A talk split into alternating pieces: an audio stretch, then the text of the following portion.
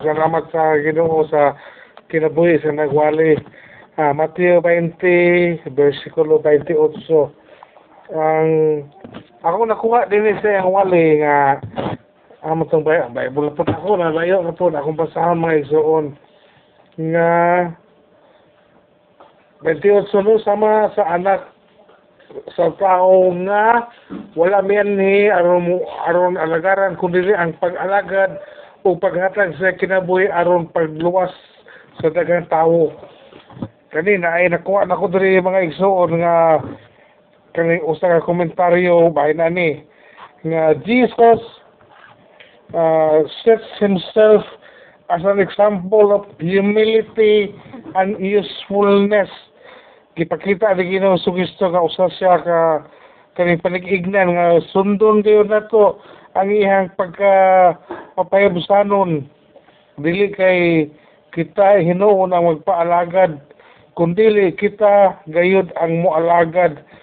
Kasagaran maguna to tungod sa atong anong gitawag sa English bitaw nga vanity o mga ambisyon nga kita mo mo dawat ta dahil ang pag-alagad gikan sa uban pero dili dahil mao. Kung dili kita gayud ang magpakita sa maong pag-alagad ngadto sa uban sa tuyo nga mapasidunggan nato ang atong Ginoo. Magsakripisyo kita sa paghimo. Ah, walay pagreklamo walay paghuna-huna nga kita gayud ang kining bantugan.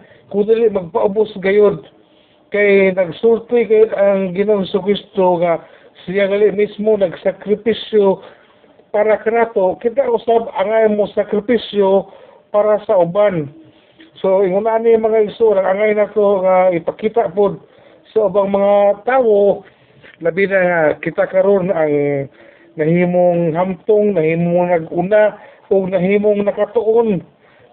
Nasayo sa tanan nga kamatuuran, ang uban din ha, nag ano na sila, kanang nominal Christian bitaw, Christian lang sa ngalan. Pero wala gali lagi kinabuhi ang ilahang pagkakristohanon kay mahimo pagid sila nga kining manglibak pa sa uban. Ang uban dili gali mo promote no? Kasamot ka mo promote sa kaluwasan sa mga kalag. Kay magpuyo ulang kay para niya okay na ni. Pero wala nga una-una nga aduna pa mga kabutunon. Nga na magsige na tag balik-balik gayon nga mukabot. Balik-balik gayon kinahanglan mo wali o mukabig tungod kay mo man kini ang gusto sa Dios nato. Mo kini atong lihukon mo kini atong trabahoon. Aron nga kitang tanan makasinati sa grasya sa Dios mo man kini ang atong tawag. So mo po ni ang atong urag katong gingon ako gabi nga atong assignment. Mo po ang ato ang tahas nga ali gihatangan ti ka og gas na kabuta ang iyong mga igsoon nga na si, naisalag usab at tuwa sa dito. Ato ang mga higala ato mga kaila. Ayaw pa ato nga paghinilas nga hi, ikaw na ma- nakauna na karon kadabit ang Kinsa man ah una pa kumimo anong simbahan na. Kinsa man ka? Ana dili una ana. Ang una mo mo agak sa nagsunod. Ang una mo mo alagad sa nagsunod mo ay mo tudlo sa iya pang giwali. Mo ay mo pangita atong karniro nga nawala. O iyang dalon din na sa atubangan.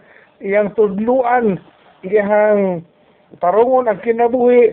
O iyang tultulan nga mao na gid kini angay subayon. Kay mao mo gid kina ang tuyo sa Ginoo. Kita mismo una na mata sa una wala klaro atong kinabuhi pero gitul gi adto kita sa Ginoo gikuha. Iya kang gikuhos. Ug ihatang gitudluan ihatang gigasahan sa balang espiritu.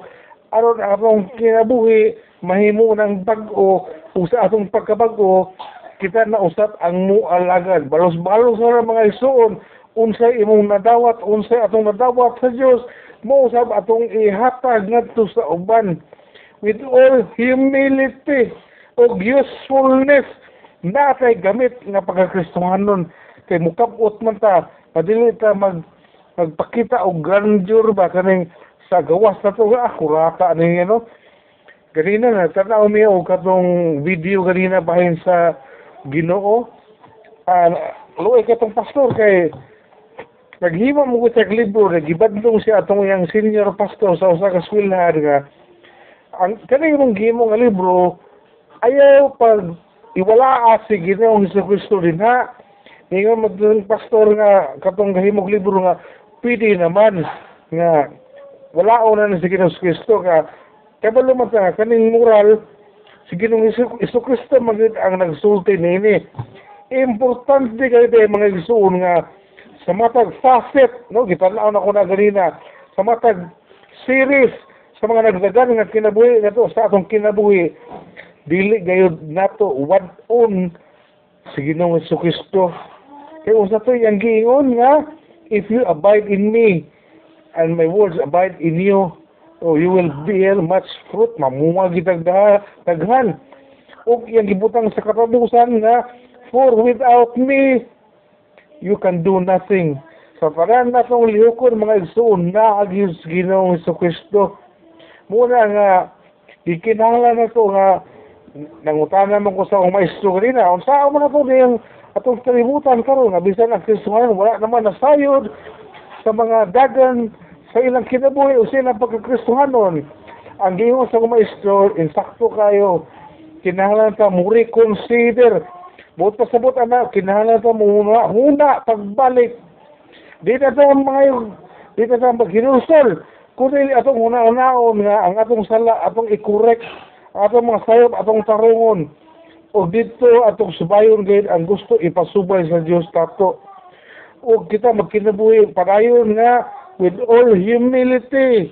O mo ni ang last nga word, keyword, usefulness nga naatay gamit o dili walay pulos nga Kristohanon nga naa tay nakabuot daghang salamat ug maayong gabi sa tanan daghang salamat sa nagawali sa iyang kinabuhi sa natay natunan na pud karon ug daghang salamat sa pag padayon gin mga igsuon sa pag-apil ni atong Bible study nga gabi Dalay ko na Diyos atong gihimo ang uban nga mga pagdasig akong ihatag sa atong MC. Hallelujah. Amen.